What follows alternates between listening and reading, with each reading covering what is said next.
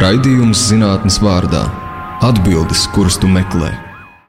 Ceturtdienās, septiņos vakarā. Esiet sveicināti raidījumā Zinātnes vārdā. Ar jums kopā Ieva Siliņa. Klausītāji, vai tu esi patriotisks? Un, ja jā, ko tieši tas nozīmē? 18. novembrī pie mēteļa piepraust karodziņu vai apņēmība aizstāvēt savu valsti, ja būs tāda vajadzība. Kopš Krievijas pilna mēroga kara uzsākšanas Ukrainā par valsts aizsardzību un rīcību krīzes situācijā šķiet aizdomājušies esam mēs visi. Bet kā šie notikumi ir ietekmējuši Latvijas sabiedrības uzskats par patriotismu, par piedarību valstī, kā tas viss saistās ar mēdīju patēriņu un uzticēšanos institūcijām? Par to šodienas sarunu raidījumā zinātnes vārdā.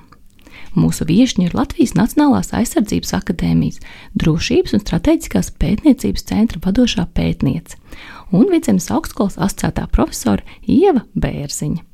Doktora grādu politikas zinātnē ieguva Latvijas Universitātē, promocijas darbā salīdzinot rietumu politiskās konsultēšanas tehnikas ar Krievijas politehnoloģijām un pētot to ietekmi uz politisko kampaņu praksi Latvijā. Pirms akadēmiskās karjeras Ieva Bērziņa ieguva praktisku pieredzi mārketinga komunikācijas jomā, bet viņas pašreizējās pētnieciskās intereses aptver tādas starpdisciplināras jomas kā Krievijas informācijas karš, krāsainās revolūcijas, visaptveroša valsts aizsardzība un patriotisms. Par to arī runāsim šodien. Tātad raidījuma zinātnes vārdā viesiņa šodien ir Ieva Bērziņa. Labdien! Labdien! Uh, Ieva stāsta, kad no mārketinga nonāca strateģiskajā komunikācijā. Tāpēc, kad strādāju jā, mārketingā, bet tad es kaut kā sapratu, ka man vilina akadēmiskā vide, un, un, un, un man bakalaura grāds bija politikas zinātnē, un tad es izdomāju, ka būtu interesanti atgriezties tajā. Un tad es īstenībā mēģināju, skatījos, kā ir iespējams savienot politikas zinātni ar mārketingu, un noskaidroju, ka ir tāda jauna starpdisciplinārs virziens kā politiskais mārketings. Un tur ir pat žurnāls starptautiski citāts tāds, un ir kopiena, kas ar to nodarbojās. Tad es tajā iekļāvos, un attiecīgi tajā tēmā arī uzrakstīju disertāciju. No malas jau izskatās tā, no sākuma tu radīji stāstus, un pēc tam tu pārēji otrā pusē un pēti šo stāstu, ko rada citi. Jā, tā ir sanācis. Jā, tieši tā tas ir. Jā, jā. Un tu teici, ka faktiski arī katra valsts veidos stāstus. Vari pastāstīt sīkāk, kāpēc tieši stāsti un kāpēc valstī jāveido, kāpēc vispār jāstāsti? E, tāpēc, ka uh, cilvēks uh, uztver pasauli vairāk caur stāstiem, par to ir īstenībā teorija. Pat uh, īpaši jā, ir, ir, ir aizdītā gadsimta vidū par to ir vesela zinātniska raksta un pētījumi, ka cilvēks īstenībā nav racionāla būtne, bet cilvēks ir stāstnieks un cilvēks arī uztver pasauli caur caur stāstiem. Narrative driven animal, vai ne? Jā, jā, jā tieši tā. Un, uh, Un tad īsnībā, jā, ja mēs runājam par šiem stāstiem, tad, tagad, tad, tad, tad, tad tas otrs vārds, ko te var minēt, ir narratīvs. Un, jā, man ir bijusi ar literārām redaktoriem diskusija par to, ka tas vārds ir neiedzīgs un tā, bet nu, viņš tomēr ir aprobēts gan zinātniskā literatūrā, gan tas ir ienācis vairāk mūsdienu tajā komunikācijā, ka tie ir tādi nu, mērķiecīgi konstruēti stāsti, kuram, ar ko tu gribi kaut ko sasniegt, kaut kādu noteiktu, noteiktu mērķi. Jā. Nu, šķiet, ka tad jau narratīva mums ir viss caur apkārt. Atveram Facebook vienu vienīgu narratīvu, vai ne? Piemēram, mm. skaties uz mani, ēdu kaut ko garšīgu, skaties, kāda man laba dzīve vai kaut kas tāds. Nu, jā, varam tā teikt, bet nu, vairāk es domāju, ka, kad, kad mēs par šiem te, nu, narratīviem runājam vairāk tieši tādā politiskā kontekstā, ka tie ir kaut kādi stāsti ar mērķi, jā, veidot kaut kādu politisku redzējumu, un, nu, kas atbalsta kaut kādas noteiktas intereses tiem vai citiem spēlētājiem. Nozīmē, ka valsts kopējā interese būtu radīt tādu narratīvu, nu, mums viss ir labi, mēs esam visi kopā un veidot uh, valsts vienotību, vai ne? Nu, tas ir viens no, jā, un es domāju, ka tas ir ļoti būtisks. Un, ja mēs tiešām runājam par šo te, jā, piemēram, visaptvarošu valsts aizsardzību, ja, kas ir arī viena no tām manām tēmām, tad es domāju, ka tur ir viens no tiem priekšnoteikumiem, lai tā sistēma lai tā aizsardzības koncepcija varētu darboties, ir sabiedrības vienotība, kas, te, kas tiešām ir tāds liels jautājums daudzās sabiedrībās, citu, ne tikai Latvijas gadījumā, bet tas ir viens no, bet ne tikai, protams. Šim narratīvam ir jābūt patiesam, vai tas nav svarīgi? Jā, viņi var būt gan patiesi, gan viņi var būt arī nepatiesi. Tas nav, jā, tas patiesums vai nepatiesums šeit nav īsti kritērijs. Kritērijs, respektīvi, nu, to narratīva veiksmes stāstu lielā mērā nosaka tas, vai cilvēki tam notic. Nu, un tas, eh, kam cilvēki tic, tas ir cits jautājums. Nu, mēs jau paši zinām, mēs apzināmies, ka reklāma ir reklāma, bet noskatoties 500 reizi kādu reklāmu, mēs jau kā mazliet aizdomājamies un veiklā kādreiz arī pastiepjas roku nopirkt eh, šo reklamēto produktu. Vai tas sanāk tā, ko vairāk atkārtot, tam tiešām cilvēki arī notic, vai kurš slēpjas šī te, kurš narratīvs būs veiksmīgs un kurš nē? Nu, tas ir viens no, viens no, viens no skaidrojumiem, jā, cik bieži, teiksim, jo biežāk tas skan, jo mm, ir, teiksim, pat cilvēks var notic, sākt ticēt un kaut kā pieņemt kā reāls, pat absolūti neiedzīgas. Uh, neiedzīgas lietas, bet otra lieta ir, ka cilvēks piemeklē to stāstu tiem uzskatiem, kas viņā jau ir nostiprinājušies, izveidojušies. Tik cilvēcīgi. Jā, tas ir viens arī ir tāda e, sociālo spriedumu teorija, kur šo te ļoti labi skaidro, ka ka, ka, ka cilvēkam, cilvēks nu, kaut ko novērtē kā ticamu vai neticamu atkarībā no tā, kā tas uh, saskaņojās ar tiem uzskatiem, kas viņā jau ir. Un tas ir piemēram viens no tiem iemesliem, kāpēc tāda faktu, šī faktu pārbaudīšana tiešā veidā uh, īsti nestrādā. Nevienmēr. Tas nu, daļai strādā, un tur ir savi pozitīvi efekti, bet tīri tā, teiksim, ja cilvēks, kurš ir ļoti spēcīgs savā pārliecībā, ka zeme ir plakana, piemēram, tad viņu ar faktu atmaskošanu īsti būs grūti pārliecināt. Nu, nu, tieši tā, atmaskotāji visi arī ir pretējā nometnē tieši un tā. mēģina mm. melot. Tāpat arī mēs jā. arī vakcīnām redzam tieši šo pašu efektu, un droši vien arī Krievijas gadījumā, vai ne? Man šķiet, ka tas mm, vismaz no mūsu skatu punkta liekas, ka Krievija tie, kas šos narratīvus rada īpaši daudz un īpaši plaši. Jā, protams, un, un turklāt arī tas ir ilgtermiņā, un arī, ja mēs runājam par šo te veidu, par to Krievijas konstruēto pasaules uzskatu, es teiktu tā, ka daudz plašāk, ka, teiksim, tur tie atsevišķie dezinformācijas izķeršanas gadījumi, tie īstenībā, nu, neraksturo vispār to problēmu. Tā problēma ir daudz, daudz uh, dziļāka un plašāka, jo tas ir tiešām tādi, tie ir ilgtermiņa uh, vēstījumi, e, e, daudz un dažādi, kuri kopā veido noteiktu veselu uzskatu sistēmu. Un, un, un, un, un, jā, un, un, un pat īstenībā mēs. Februārī bija konference Somijas aizsardzības universitātē, kur mēs arī tieši Krievijas tematikai veltīti. Un tad tā viena no diskusijām, kas ar kolēģiem veidojās, bija tieši par to, vai vispār tā ir propaganda, vai tas vispār kaut kas dziļāks, nu kāpēc cilvēki pieņem tādus šos te uzskatus. Un īstenībā tā Nu, tā mēs tomēr sliecāmies domāt, ka tas īstenībā ir kaut kas tāds pilnīgi tāds pat dziļāks eh, kaut kādos šajos uzskatos. Kā mūsu klausītājs var atpazīt, nu, kāds ir šis tipiskais Krievijas vēstījums? U, to ir ļoti, to ir ļoti, da, ļoti daudz, bet nu, savā laikā, gatavojot publikāciju par informācijas karu, kas tiek vērsts pret Krieviju, jo no Krievijas skatu punkta, protams, rietumi ir tie, kas ved karu pret Krieviju, tā skaitā informācijas telpā.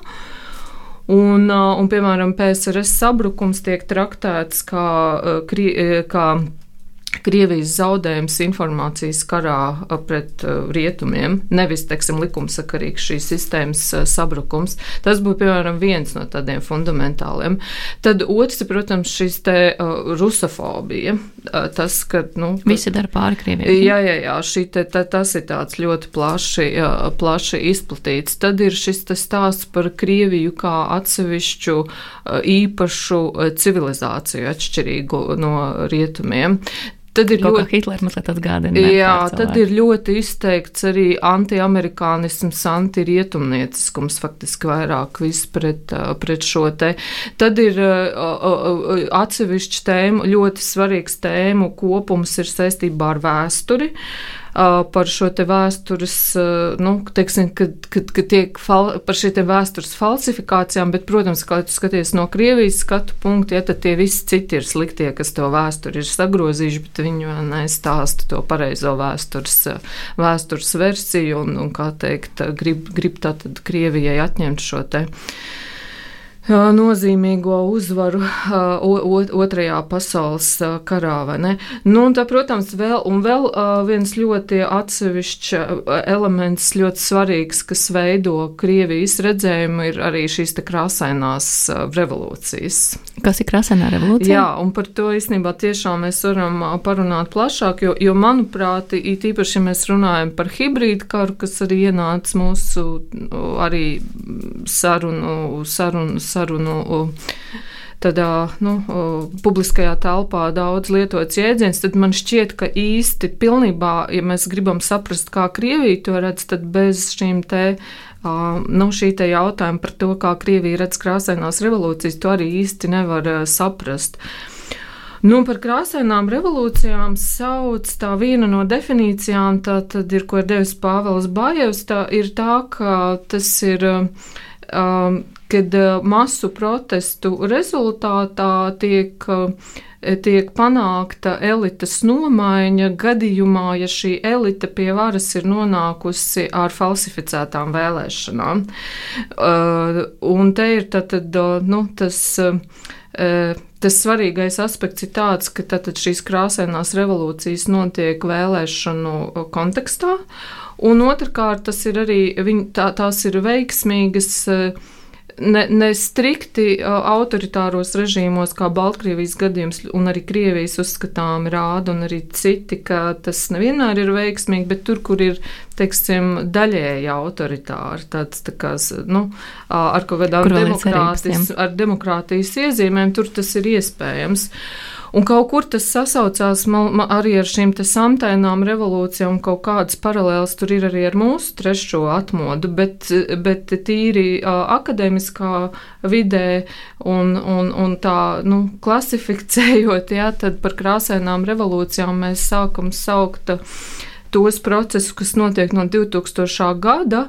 Un īsnībā tās sākās ar buldozeru revolūciju Serbijā teiksim, tagad, nu, tas jēdziens krāsainās revolūcijas ir mazliet plašāk zināms, un, un, un, tā, un tie, kas par to kaut ko zina, pirmā asociācija, protams, ir oranžā revolūcija Ukrainā 2004. gads, bet tas tiešām sākās ar Serbiju.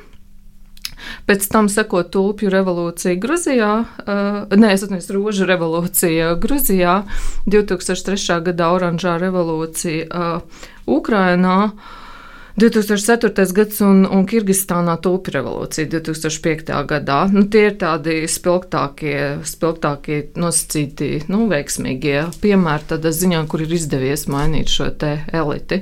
Nu, pēc tam, protams, var saskatīt arī šo te ietekmi pēc tam tālāk arābu pavasara, arābu pavasara notikumos. Uh, Tur, tur tiešām arī ir šī te, nu, zināšana, tehnika, šī pārnese. Tas ir tas, pret ko Krievija mēģina cīnīties. Jā, lai un tas, nedodies nesāktos pie viņiem. Tieši tā, un tad attiecīgi šī te režīma stabilitāte, šī te autoritārā režīma stabilitāte ir tas, kas ļoti uztrauc Krieviju, un tad attiecīgi šīs te krāsainās revolūcijas ir tas, tas kā to redz Krievija, ka tas ir nosacīts šis te veids, kā rietumi nemilitārā veidā īsteno savu ietekmi globālā pasaulē. Un tad īstenībā nu, uh, faktiski viņi traktē šīs krāsainās revolūcijas kā karadarbības uh, veidu.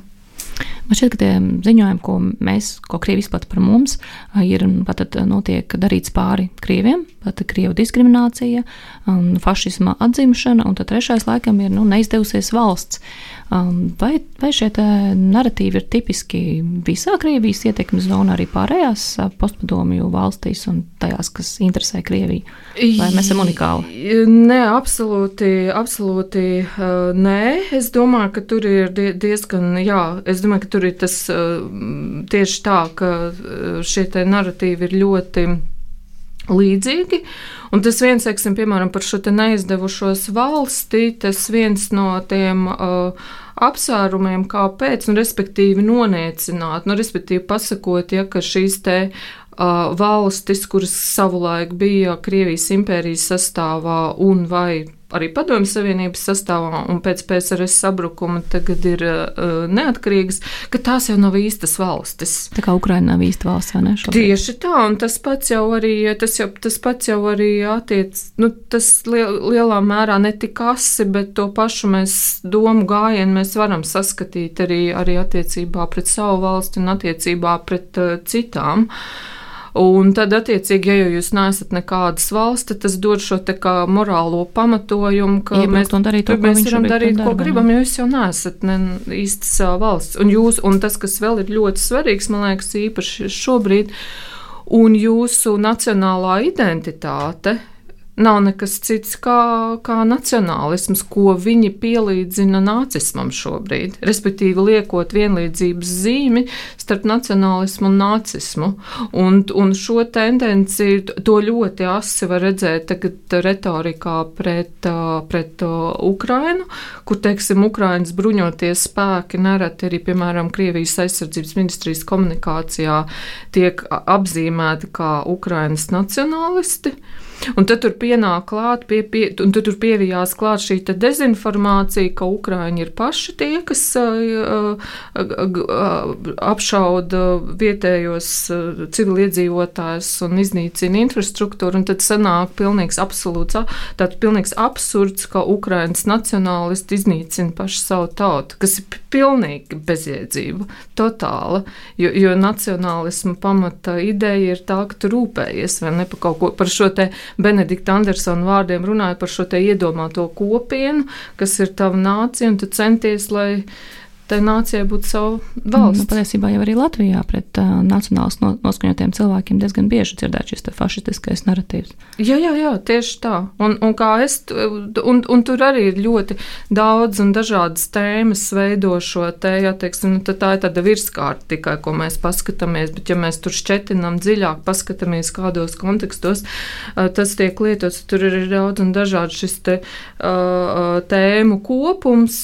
bet uh, tā pamata pamata ideja un virzība ir jā, faktiski noniecināt, padarīt bezvērtīgu mazo tautu, nacionālo identitāti un šīs mūsu tiesības uz pašnoteikšanos. Lai sagatavotu augstu, tajā brīdī viņi paši būtu gatavi uzsvērt savu darbību jā, šeit. Jā. Tas, kas man biedē, ka šīs narratīvas bieži runā arī dzirdēt no influenceriem, ir dzirdēts no politiķiem, ir dzirdēts no cilvēkiem, kam ir diezgan plaša un skaļa balss sabiedrībā. Uh, Kā, kā tas ir iespējams? Vai tas ir tā, ka šis cilvēks ir dzirdējis kaut kur šo Krievijas sagatavoto narratīvu un uztvērs to par savu, vai tur ir kādas citas intereses?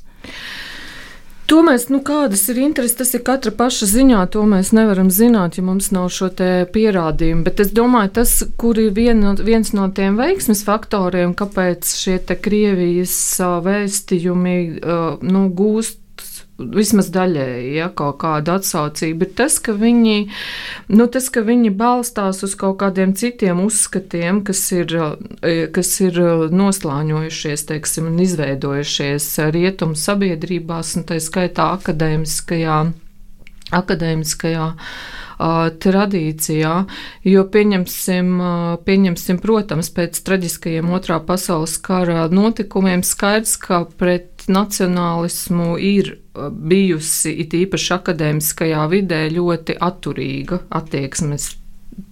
Tā to definēšu.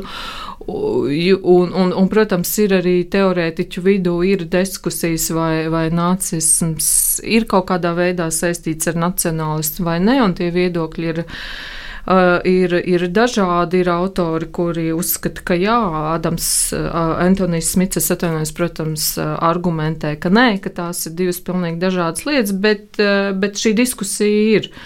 Un, attiecīgi, tad, attiecīgi vienādojot ja, šo te, nu, liekot vienlīdzības zīmi starp nacionālismu un nacismu, tad viņš, viņš guļās virsū uz kaut kādiem tiem stāstiem, un viedokļiem, kas pastāv jau rietumos un tādējādi, nu, vai, vai citās sabiedrībās, un tur sabalsojās.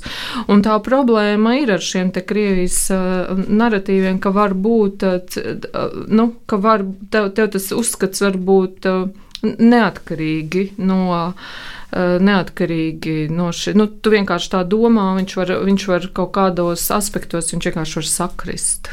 Ko darīt mūsu klausītājiem šajos apstākļos? Skaidrs, ka ziņas ir ļoti daudz un dažādas, un mēs redzam, ka daļa ir ļoti kaitīgas.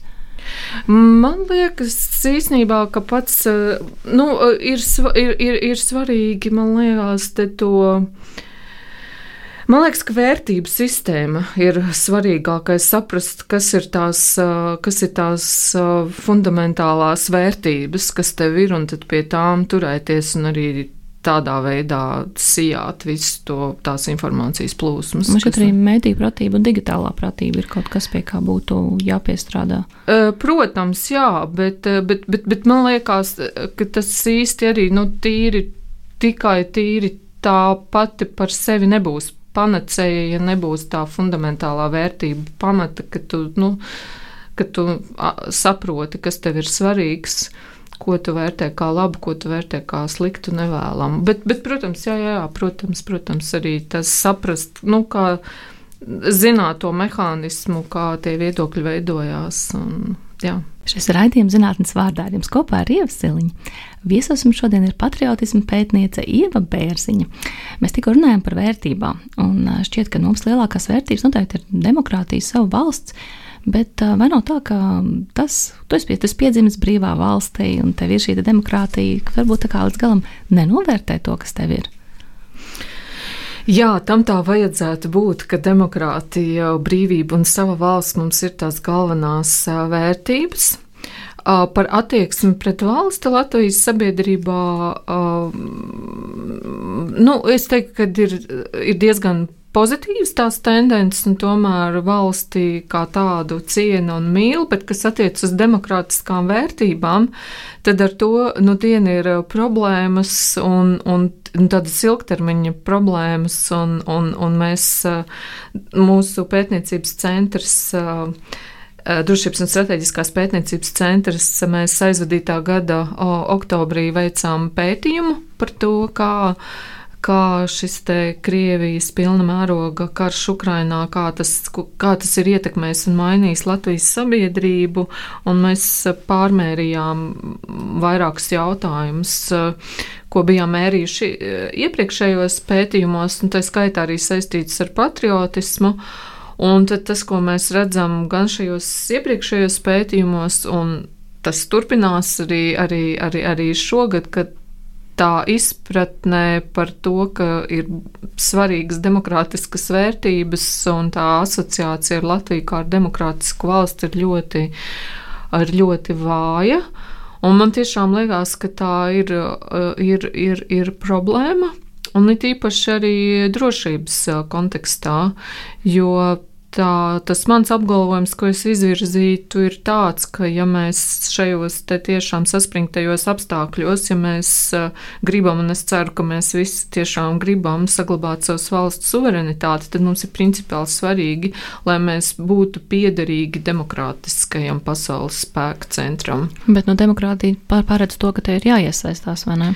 Tieši jāpauž savu uzskati, jā, jābūt jā. politiski aktīvam, jābūt pilsoniski aktīvam. Varbūt tur ir šī lieta, um, cilvēkiem vēl tas padomu mantojums, ka nu, kā, mm, valsts ar mani notiks, valsts par mani parūpēsies vai neparūpēsies, bet man tā kā pašam nav iespējas ne plāni, ne pa kreisi. Jā, jā, es domāju, ka tā, tas varētu, tur varētu būt viens tas virziens, kādā skatīties, jo mums ir arī pie, pie tā paša, ka mēs neapzināmies šo demokrātisko vērtību nozīmi. Ir arī tas, ka mēs esam ļoti salīdzinoši politiski un pilsoniski neaktīva sabiedrība. Mums, protams, ir ļoti daudz dažādu nevalstisko organizāciju saveidotas, bet, ja mēs tā kritiski paskatāmies, viņas jau lielākoties ir ļoti uh, mazskaitlīgas, un tie ir pāris aktīvi klubiņi vairāk. Uh, pāris, nu, aktīvi cilvēki, kas vai nes, nu, saprot un darbojās. Un tad es pieņemu, bet tā būtu hipotēze, ka tad jūtu vairāk pats arī iesaisties gan valsts pārvaldes procesos, bet var sākt ar pašvaldību, var sākt tiešām ar kaut kādu komunālu jautājumu risināšanu, kas tev neapmierina vai varbūt ko tu gribētu mainīt. Tad īsnībā, tad, eh, nu, eh, tad, tad pirmkārt tu vari konstatēt to, ka tomēr kaut ko var panākt. Vismaz, eh, nu, Man, man ir fokus grupas, bija 2018. gadā, kad pirmo reizi mēs veicām patriotismu pētījumu, un tur arī mēs runājam gan ar jauniešiem, gan ar viņu vecākiem. Un arī skārām šo jautājumu par politisko līdzdalību. Un tā tendence, ko tur varēja redzēt, ir tā, ka tiešām cilvēki, kas ir izglītotāki, kas ir uzņēmīgāki un kas reāli ir kaut ko darījuši, tie arī ir gatavāki kaut ko darīt politikā. Un tas viens no, vien, vien no tām atziņām, ko man uh, teica fokus grupās, ka īstenībā, uh, ja tu darbojies, tu, tu patiesībā vari. Tu, nu, respektīvi, ka tas cilvēks, kas stāv malā, viņš pat nevar nu, iedomāties, ka īstenībā tu ļoti daudz ko vari jā, ietekmēt, izmantojot tās iespējas, kas ir. Nu, skaidrs, ka tas nebūs absolūti un, un vienmēr būs kaut kādas problēmas, bet vismaz kaut, kaut kādu minimālu progresu ir iespējams panākt. Un tad, un tad man liekas, arī ir tas, ka tu faktiski tad tu ieguldies tajā, un tad, un tad vajadzētu notikt tam, ka, ko raksta daudzi patriotismu teorētiķi teorētiķi, ka valsts īstenībā tas ir kopīgs projekts. Ka tu tajā Tā, iesaisties, ka tu tajā ieguldies un ka tu īstenībā pats veido to dzīvi, dzīvi labāku. Tā kā man liekas, būtu nu, jāskatās šajā virzienā. Jā, mēģinīt. tā klasika, vai ne? Ko tu vari izdarīt valsts, valsts labā? Jo kaut vai apkaimes biedrībā sākot sakārtojot savu vidi, kur tu dzīvo, kur tu esi, Tie, tieši, tieši tā, es domāju, kaut vai, kaut vai nu, apkārtni, tīri fiziski kaut vai sakopjot tā apkārtni, savācot uh, uh, netīrums, negaidot lielo talku, bet vienkārši tāpat vien, tas vien jau kaut kā maina un, uh, Un, un, un, un, otrs arī, un otrs arī, protams, jāveidot šīs te arī nu, nosacīt horizontālās saiknes citam ar citu. Ja, tad šīs kopienas iepazīties, nu, redzēt arī to cilvēku sev blakus. Tā kā, nu, jā, man liekas, ka tas. Vai tu sevi uzskati patrioti? Jā, jā, un pie kam, un es tā par sevi domāju arī pirms es pievērsos šai tēmai no akadēmiskā viedokļa. Tas, tas man bija, bija, bija tā, jā, nodefinēts. Jā. Mm, kā tagad ir, nu, ņemot vērā Krievijas asiņaino karu Ukrainā, vai tas ir ietekmējis Latvijas iedzīvotāju patriotismu? Jā, Latvijas iedzīvotāju patriotismu ir uh, uh interesants tendences. Uh, Jo man arī uh, pirms tam jau, nu, jautāja, kā tad ir, ja vai patriotisms ir audzis. Latvijas sabiedrība ir ļoti patriotiska. Tur tam patriotismam īstenībā vairs nav kur augt. Viņš jau ir, mēs jau esam faktiski mak maksas. Jā, jā. Un tas nav, un tas nav tā, ka, ka tas ir tāda vispārēja tendence, jo ir patriotisms ir. Uh, diskutabls jēdziens, jo patriotisma vārdā tiek pastrādātas arī daudzas ļoti negatīvas lietas. Jā, diplomātiski izsakoties. Ja? Līdz ar to ne visās valstīs tā ir, bet mēs esam valsts, kurai ir raksturīga tad, tad ļoti pozitīva attieksme pret patriotismu. Bet tur ir viens būtisks bet, ne? Mums vajag pastīties, ko mēs saprotam ar šo jēdzienu. Jā, tas bija mans nākošais jautājums. Jā, jā, kas tad ir, ko Latvijas sabiedrība saprot ar patriotisku rīcību? Un, un, un, un tad pop, biežāk minētā atbilde, ja ko nozīmē, nu kāds, kā, kāda aktivitāte. Ko tu dari kā patriots? Jā, jā, tieši tā. Biežāk minētā ir tā godprātīgi veikt savu ikdienas darbu.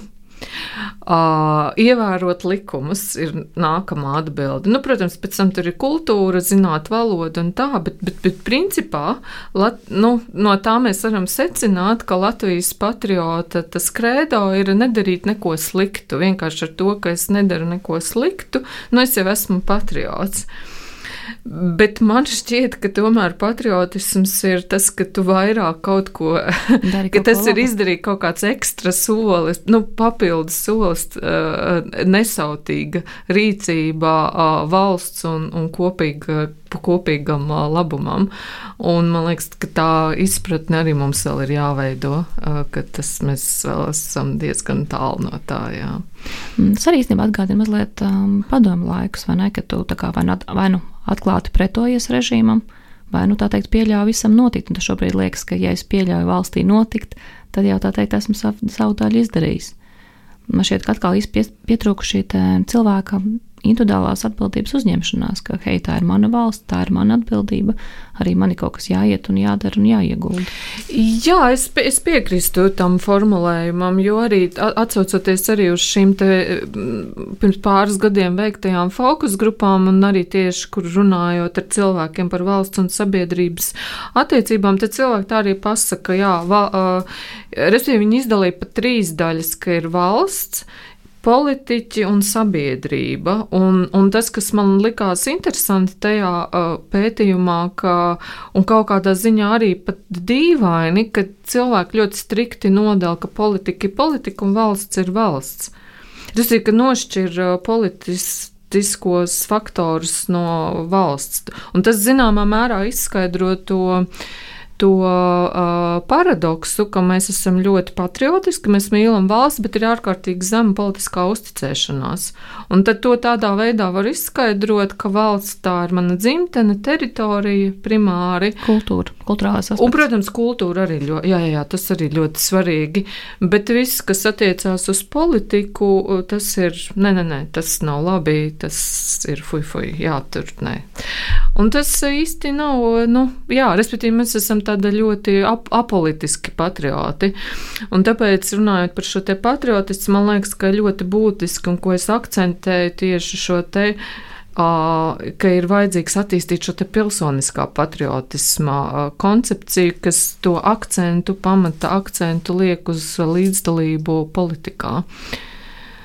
Man liekas, ka patriotismā liela daļa ir rūpes par valsts drošību. Jo faktiski nu, valsts drošība ir tāds komplekss jēdziens, kur, protams, ir, ir, ir militārā joma, aizsardzība, nu, tās pamatlietas, bet arī nu, katra cilvēka atbildība domāt par to, ka, ja nu kaut kas notiks, nu, ko es darīšu, kādā veidā es to darīšu, kā es aizsargāšu savu valsti, kā es, kā es palīdzēšu. Un tieši nu, šobrīd tā teikt, miera un labklājības brīdis, tas bija īstais brīdis, kad par to domāt. Kā sanāk mūsu, mūsu patriotiem? Cik cilvēki ir gatavi tiešām uzņemties atbildību par valsti, aizstāvēt, darboties, ja nu gadījumā nedodies kaut kas notiek? Nu jā, šajā jau te pieminētajā uh, uzskaitījumā par to, ko Latvijas sabiedrība uzskata par patriotisku rīcību, dalību zemesardzē un jaunsardzē un, un, un, un gatavība kara gadījumā aizstāvēt uh, valsti, tā ir viena no uh, retāk minētajām atbildēm. Uh, Un otrs arī, ja mēs runājam par šo te kopumā gatavību aizstāvēt valsti, tad, tad Latvijas sabiedrībā tā ilgtermiņa tendence, ka tie ir ap 30%, un kas ir dīvaini, nu varbūt nav dīvaini, bet, nu, vienkārši tā ir tā tendence, ka uh, uh, Krievijas-Ukrainas kara ietekmē, nu, tas skaitlis kopējais nav audzis. Lai gan, protams, bija daļa uh, ak no aktīvu, atbildīgu cilvēku, kas uzsākoties karam pastiprināti, tad, tad bija šis pieplūdums zemesardzē, bet tas bija kaut kāds acīm redzot viens segments, bet, bet kopēji gan, gan, gan mūsu pētniecības centra pētījums, gan arī citi pētījumi uzrāda šo te tendenci. Līdz ar to nu, mēs varam to uztvert diezgan kā patiesu, ka tā griba aizstāvēt valsts saglabājās šajos 30%, un varbūt ir pat mazliet nu, tur statistiskās kļūdas robežās samazinājusies. Nu, tā, tā, tā, tā ir. Nu, nav, nav, teiksim, nu, ar, arī šeit nav tā, ka mēs esam vienīgā sabiedrība ar šādiem rādītājiem. Tādu valstu ir daudz. Nu, tāds, Tas ir tās vidējais rādītājs. Vidējs, zem, vidējs, vi, vi, vi, vidējs zems, jā. Bet nokāli ir otrs, tas, ko mēs. Uh, nu, ko mēs savā pētījumu, pētījumā jautājam arī par šo gatavību aizstāvēt valsti nemilitārā veidā. Un šo jautājumu bloku mēs ielikām tieši dēļ visaptvarošās valsts aizsardzības, kur ir arī ļoti svarīga loma tieši šiem nemilitāriem aspektiem. Jo visaptvarošā valsts aizsardzībā militārā aizsardzība ir tikai viens no blokiem. Tur ir arī civilā aizsardzība, ļoti būtisks elements. Tur ir e, informatīvā e, telpas jautājuma un arī psiholoģiskā nu, aizsardzība vai noturība, kā nu mēs to sauktu. Un, ja nemilitārā veidā, tad tur gan ir, tad tur gatavība aizstāvēt valsts nemilitārā veidā ir vairāk nekā 60%. Tur tas cipars ir augstāks. Nu, kas mani vedina domā, ka tomēr tā, tā, tā, gata, nu, tā griba aizstāvēt valsts patiesībā ir augstāka, bet es domāju, jā, ka varētu, ka tas varētu būt saistīts ar to, kā ir ar prasmēm. Un es pieņemu, ka tas Krievijas-Ukrainas kara efekts ir tādā ziņā, ka vienkārši um, nu, tas karš ir tik ļoti tuvu klāt, un mēs cik dienu sekojam, un katru, bezmaz katru vakaru vai ne, ir, ir šīs te, nu, analizē kā tur tā frontes līnija ir pavirzījusies, kas ir noticis, ir daudz šie kadri. Vienkārši viņš tā ir tā realitātes sajūta ir lielāka, un tad tu tiešām saproti, ka nu, nepietiek vienkārši ar kaut kādu to jūsmīgu to apņēmību. Bet tas tiešām arī prasa kaut kādu sagatavotību. Ukraiņai arī līdzīgi ir um, rādītāji sākotnēji, cik cilvēki ir gatavi aizstāvēt valstī. Bija ļoti līdzīgi kā mums. Un tajā brīdī, kad uh, Krievija izdarīja to, ko viņi izdarīja, nu, šis skaits, cilvēku skaits dubultojās. Jā, tieši tā, un te man liekas, ir svarīgi, ja mēs runājam par tiem datiem, ka tiešām arī paturēt prātā, ka tas, protams, tā socioloģija vienmēr ir ļoti nosacīta, un, un tie uzskati viss ļoti din dinamiski mainās. Un šobrīd es domāju tā, bet, nu, var notiek kaut kādi notikumi, un, un mainās tie uzskati. Jā. Nu, noteikti mēs varam lepoties par saviem iedzīvotājiem atbalsta ziņā. Atbalstu, ko mēs sniedzam Ukrāņiem, tas ir, tas ir fantastiski.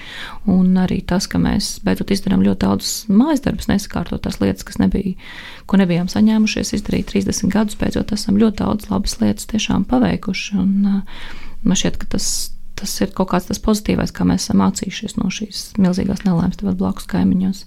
Protams, protams, jā, es pilnīgi piekrītu. Jā. Un, man šķiet, ka arī nu, tieši skolām ir ļoti liela nozīme šajā. Nu, turpināt arī jaunai paudzei skaidrot, mācīt un uh, veidot šo vērt, vērtību sistēmu. Jo, kā tu teici, šī demokrātija un, un, un mūsu valsts un brīvība ir tās vērtības, jo patiesībā rodas vai nu, vai nu ģimenē, vai nu skolā, divas lietas, vai ne? Gan, gan, jā, gan, gan ģimenē, gan skolā. Jā. Tās būtu tās pamata, protams. Jā.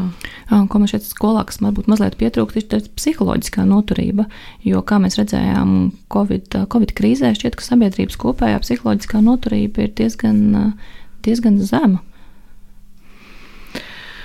Mm, uz kādiem datiem tu balsti šo apgalvojumu? Šis nav dati, šis ir absolūti, tā teikt, absolūti nepre, ne, reprezentatīvs viedoklis un, un, un mans, mans pašs tāds um, sajūta. Sajūta, tā ir drīzāk sajūta. Jā, jo, jo ar tām sajūtām ir viltīgi, jo, teiksim, ar vidzemes augstskolas kolēģiem mēs piedalījāmies arī šajā te Covid pētījumu programmā, un tad tas Nu, ko vairāk kārt varēja redzēt, ka tas eh, priekšstats, kas veidojas no skaļajām balsīm, sociālajos mēdījos, vai, vai, vai, citu, vainināšana, vai ne? Ka sabiedrības vairākums tomēr eh, ir eh, samērā nu, rac, racionālāks vai atbalstošāks val, valdības tai politikai. Nu, nebija tik kritiski tie Tie socioloģisko pētījumu dati nebija tik kritiski, kā liekas, kad ja tu skaties. Kā, jā, nu, taisnība varētu būt. Jā, kā, man tik ļoti jā, šokē tas nezinātniskais, kā var būt tā. Jā, jā, jā, jo, jo es, un tā, tā, tā, tā bija tā viena no tādām vispār atziņām, kas ir paņemama līdz ne tikai Covid gadījumā, bet principā, ka nu, tie burbuļi saucamie ir dažādi, un tu sak, saklausies, salasies kaut ko vienu, un tas. Bet tās tendences sabiedrībā var būt arī citādas. Tur, tur, Bet kā mūsu klausītājs varētu stiprināt savu psiholoģisko noturību?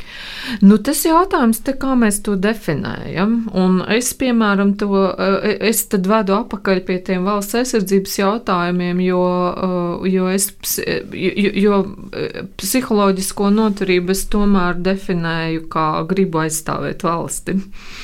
Eh, valsts aizsardzības eh, kontekstā. Jo tieši arī ne, uz ko arī dažādas eh, šīs informatīvās aktivitātes ir mērķētas, ir tieši pārliecināt, ka pretoties nav jēgas, jo tas pret, nu, pretinieks ir tik spēcīgs, jā, arī tā valsts nav tā vērta, lai to aizstāvētu. Un tas viss tiek darīts tam, lai nebūtu šī pretošanās.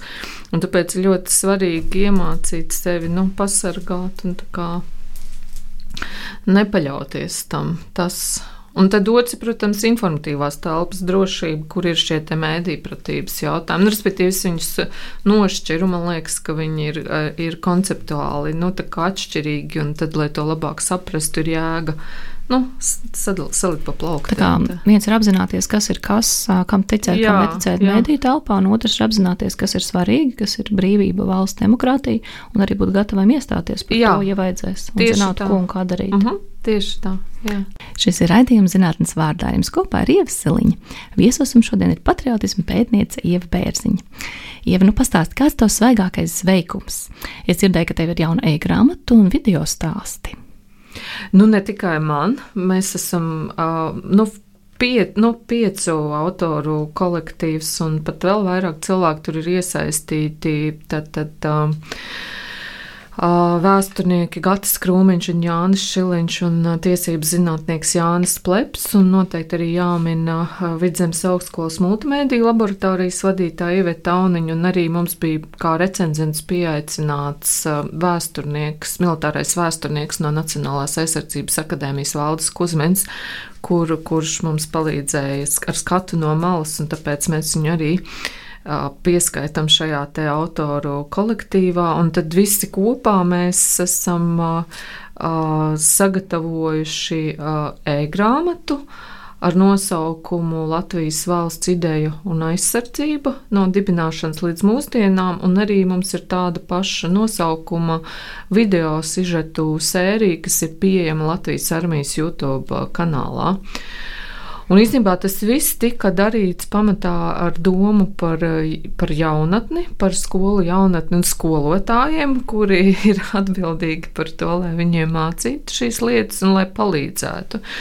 Un īstenībā vairāk jau, jau vēl, vēl pavisam konkrētāk tā doma bija vairāk par valsts, tā, tā, tā domai kājas aug no valsts aizsardzības mācības, kur viena no sadaļām, kas tiek mācīta jauniešiem, ir arī patriotiskā audzināšana, kur mēs liekam akcentu tieši uz šo pilsonisko uh, patriotismu.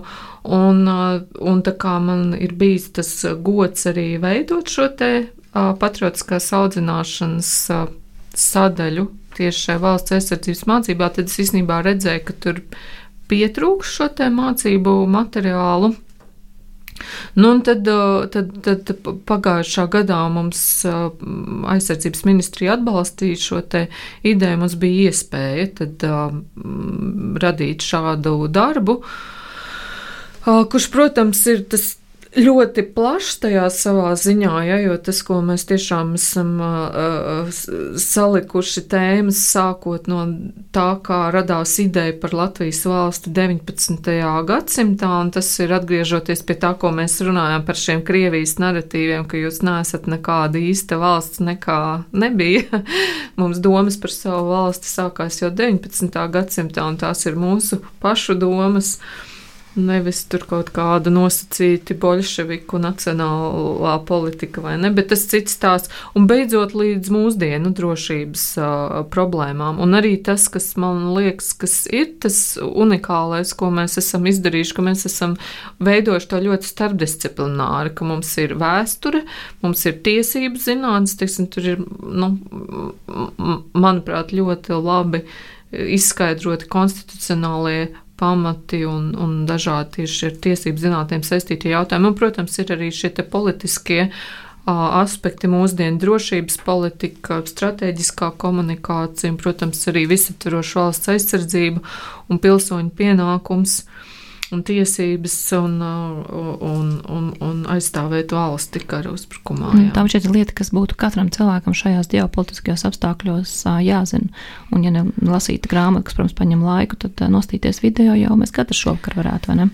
Nu, tieši, tieši tā, un turklāt tie video ar, ir, nav arī īpaši gari. Tie ir veidoti nu, vidēji līdz desmit minūšu sagramojumās gabaliņos. Gara, cits īsāks, cits mazliet garāks. Kas vēl tur ir, it īpaši video materiālos, varētu būt interesanti, ka tur ir gan, gan teiksim, mūsu, nu, katra šo te autoru no pētījumiem tā apkopotā esence un atziņas, bet mēs intervējām arī 30 33. atmodas līderu un dalībnieku un NBS atjaunošanas vēstures dalībnieku šīs domas un atmiņas. Un, un tie viņu viedokļi un, un, un atziņas tie caurvīja to visu, un tas ir tādā, nu, tā kā dialogā. Tā kā, Brīnišķīgs materiāls, kas varētu radīt sajūtu, ka mēs esam piedarīgi šai valstī, vai ne?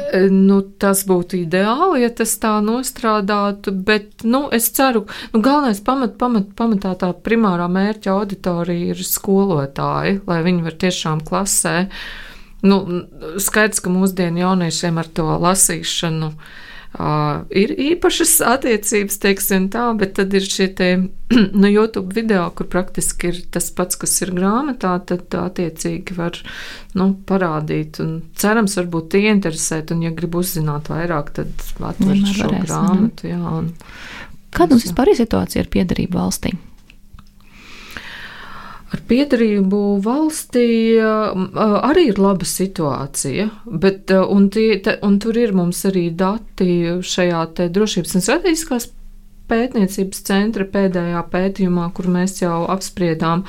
Ja es nemaldos, tad man liekas, ka piederība Latvijai kopumā bija tuvu 90%. Bet kas man liekas ļoti svarīgi arī ir tas, ka Vai nu dēļ jautājumu formulējumu, vai arī tiešām ir kaut kādas pārmaiņas, ka ir pieaugusi piederība Eiropai.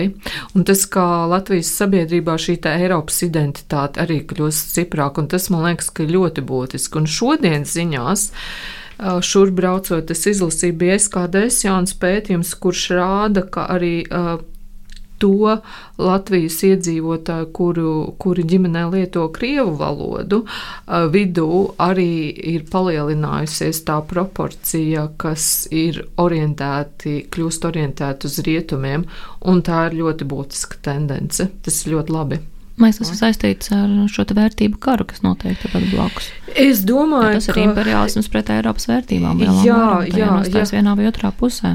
Tieši tā, jā, kā tas nav mans formulējums, bet vienā citā sarunā LSM žurnālists to ļoti labi noformulēja, ka uh, mūsu mazākumtautībām šobrīd ir tiešām jāizdara šī civiliz, nu, civilizācija, izšķir, izšķiršanās par to, kurā civilizācijā viņi vēlas būt piederīgi. Un tie dati rāda, ka, jā, ka šis demokrātiskais, eiropeiskais rietumu virziens šķiet pievilcīgāks. Tas ir ļoti labi nu, ja viņi jūtas piederīgi otrai pusē, viņiem arī šī vide būs ārkārtīgi nekomfortabla. Līdz ar to vienīgais variants ir atgriezties tur, kur apkārt ir līdzīgi domājoši. Nu, jā, tā katra brīva izvēle, vai ne? Kā rāda tavi dati, vai cilvēki uzticās institūcijām? Nu jā, mēs jau minējām, ka tā politiskā, institū, politiskā uzticēšanās ir salīdzinoši zema, bet ir ļoti, viena ļoti interesanta tendence, ko uzrādīja šis mūsu pētījums, ko mēs veicām rudenī. Un tā interesantā lieta ir tieši arī šajā auditorijā, kura ģimenē lieto krievu valodu. Un mēs redzam to, ka salīdzinoši mēs mērījām uzticēšanos tātad nacionāliem bruņotiem spēkiem, valsts prezidentam, pašvaldībām un ministru kabinetam un saimai, ja šī nozīmīgākajām institūcijām. Un praktiski visām institūcijām uzticēšanās tieši šajā grupā uh, ir pazeminājusies, bet nacionālajiem bruņotiem spēkiem ir pieaugusi. Un tas ir ļoti interesanti, jo pirms uh, gadiem, diviem, mēs tieši konstatējām, ka ir ļoti liela atšķirība starp uzticēšanos nacionālajiem bruņotiem spēkiem, kur kopumā ir viena no institūcijām, kurai uzticās vairāk, bet tie respondenti ir Krievu valodu ģimenē uzticas Nacionālajiem bruņotajiem spēkiem pusi mazāk. Un tad bija tas jautājums, kāpēc. Un ar kvalitatīvām metodēm arī man ir atbildi uz to jautājumu. Viens ir tas, un tur ir pamatā trīs lietas. Ir tas, ka viņiem ir ļoti maz informācijas par nacionālajiem bruņotajiem spēkiem. Viņiem bija ļoti daudz informācijas par Krievijas bruņotajiem spēkiem. Armijā, jo, skat, jo tad vēl nebija šis te Krievijas federālo kanālu aizliegums stājies spēkā, un to viņi ir atklāti teicis, ka, mēs, ka es katru dienu kaut ko dzirdu par Krievijas bruņotajiem spēkiem. Un otrkārt priekšstats, ka Krievija ir ļoti varana, un Latvija ir maza valsts, un ko tad Latvija kā maza valsts var darīt pret Krieviju? Un es domāju, ka tieši uh, tas pavērsiens ir noticis šajā ziņā, ka tas Krievijas-Ukrainas karš parāda, ka tā varenība Jā, ka tas ir milz uz malkājām. ir bijusi ļoti iluzora. Un te ir arī tas, par ko mēs sākumā runājām par to patiesību. Ja? Nu, kaut kad jau tā patiesība tomēr nāks klajā. Tā realitāte kaut kur iestājās. Un līdz ar to es domāju, ka ir, sab, ir, ir mazinājies šis te uh, priekšstats. Un otrs arī, kas sen nav bijis, bet ir būtiski arī pieaugusi izpratne par Krieviju kā draudu Latvijas sabiedrībai tieši šajā te nu nosacīta krievlodīgo auditorijā. Nu, droši vien arī mēdīju patēriņam ir savs, um, savs, savs ies, iet, iespējas, vai ne? E, kaut kādā ziņā jā, bet es, te, es, gan, es gan teiktu, mēdīju patēriņš ir mainījies, to arī pētījums parāda, ir būtiski sarucis šis te Krievijas valsts kontrolēto mēdīju patēriņš, un pamatā tie ir Krievijas televīzijas kanāli, un tā ir ļoti laba tendence, manuprāt, bet vienīgais tīri, es domāju, ka tas varbūt tos uzskatus tik radikāli nemaina, bet es pieņemu, ka atnāk varbūt tiešām tā, nu, faktiskā informācija un ka tā sapratne veidojās ja, par to, kas uh, notiek. Un, un kopumā, jā, var, var teikt, es domāju, ka mēs redzam to, ka dažādos aspektos šī Krievijas ietekme Latvijā mazinās. Ko katrs mūsu klausītājs var darīt, lai būtu gatavs, gatavs aizstāvēt uh, savu valsti? Um, nu, uh, sāksim droši vien ar vienkāršāko, ar to, ko mums arī palīdz aizsardzības ministrija, ir šī 72 stundu gatavības kampaņa. Tā būtu tā atbildīga attieksme. Nu, pirmkārt, parūpēties par sevi. Nu, un tad otrs, protams, arī sev skaidri. Nu, Es domāju, un, un ko arī dara, nu, vismaz ir, ir cilvēki, kas saka, ka to dara, ja tad, tad savās ģimenēs izrunāt, ko mēs darītu, ja tāda lieta, ja tāda lieta notiktu, nu, un kam, kam ir, nu, tad jā, un tad iespēja robežās, tad, protams, arī meklēt šīs te iespējas tomēr nu, vai piedalīties zemesardzē, ja ir laiks un, un, un vecums un fiziskās dotības, vai nu kā, vai nu kā citādi. Pateikt, nekrist tā, nekrist, nekrist panikā, pārdomāt, ko darīt, ja tāda vajadzība būtu, un gatavoties, kamēr to var darīt? Jā, un arī es domāju, ka man liekas, nu tā, tā iekšējā tā.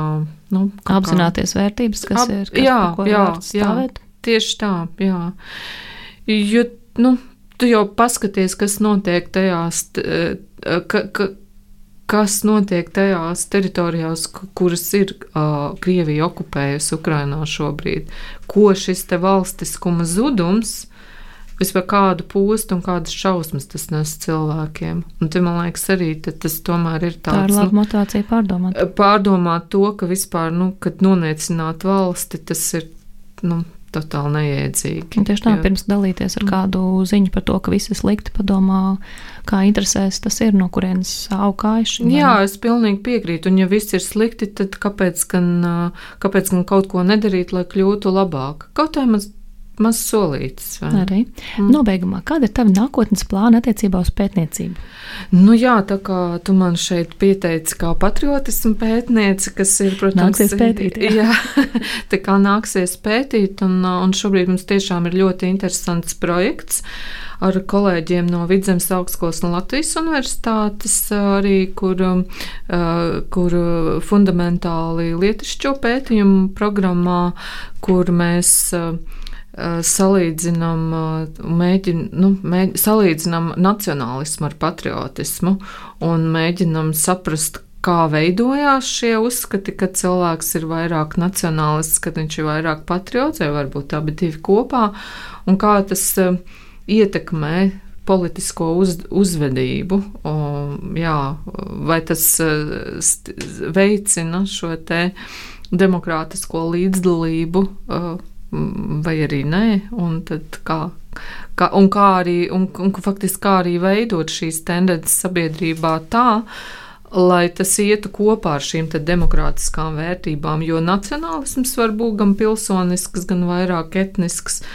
Un arī patriotismam ir dažādi šie veidi. Kā mēs šodien runājam? Ne? Jā, un tas, kas skaidrs, ka ir ļoti būtiski šie kultūras aspekti, neapšaubāmi, tas to absolūti neizslēdz, bet mums mūsu sabiedrībā ir milzīgā deficītā tieši šīs pilsoniskās, politiskā prasme, līdzdalība, apziņa, ka vajag tajā iesaistīties. Tas pētījums tieši laikā, vai ne? Jā, jā, jā. bet nu, skaidrs, ka tas nu, prasīs arī laiku, un, tās, un arī tie risinājumi, man liekas, visi ir tādi ilgtermiņa. Nu, Tā lai izdodas. Sirsnīgs paldies! Man tiešām priecājos tiem sasniegumiem, lai tev veicās arī turpmāk. Atgādina, ka raidījuma zinātnes vārdā viešņa bija Latvijas Nacionālās aizsardzības akadēmijas, drošības strateģiskās pētniecības centra vadošā pētniece un vidzemes augstskolas asociētā profesora Ieva Pērziņa. Studijā bija Ieva Siliņa. Lai sakot jaunumiem mūsu radio, atcerieties piesakot atrādījumam kanāliem, sociālos tīklos Facebook, Twitter un Instagram. Lai jums visiem drošs un sirsnīgs vakars! Atām! Raidījums zinātnes vārdā - atbildes, kuras tu meklē. Ceturtdienās, septiņos vakarā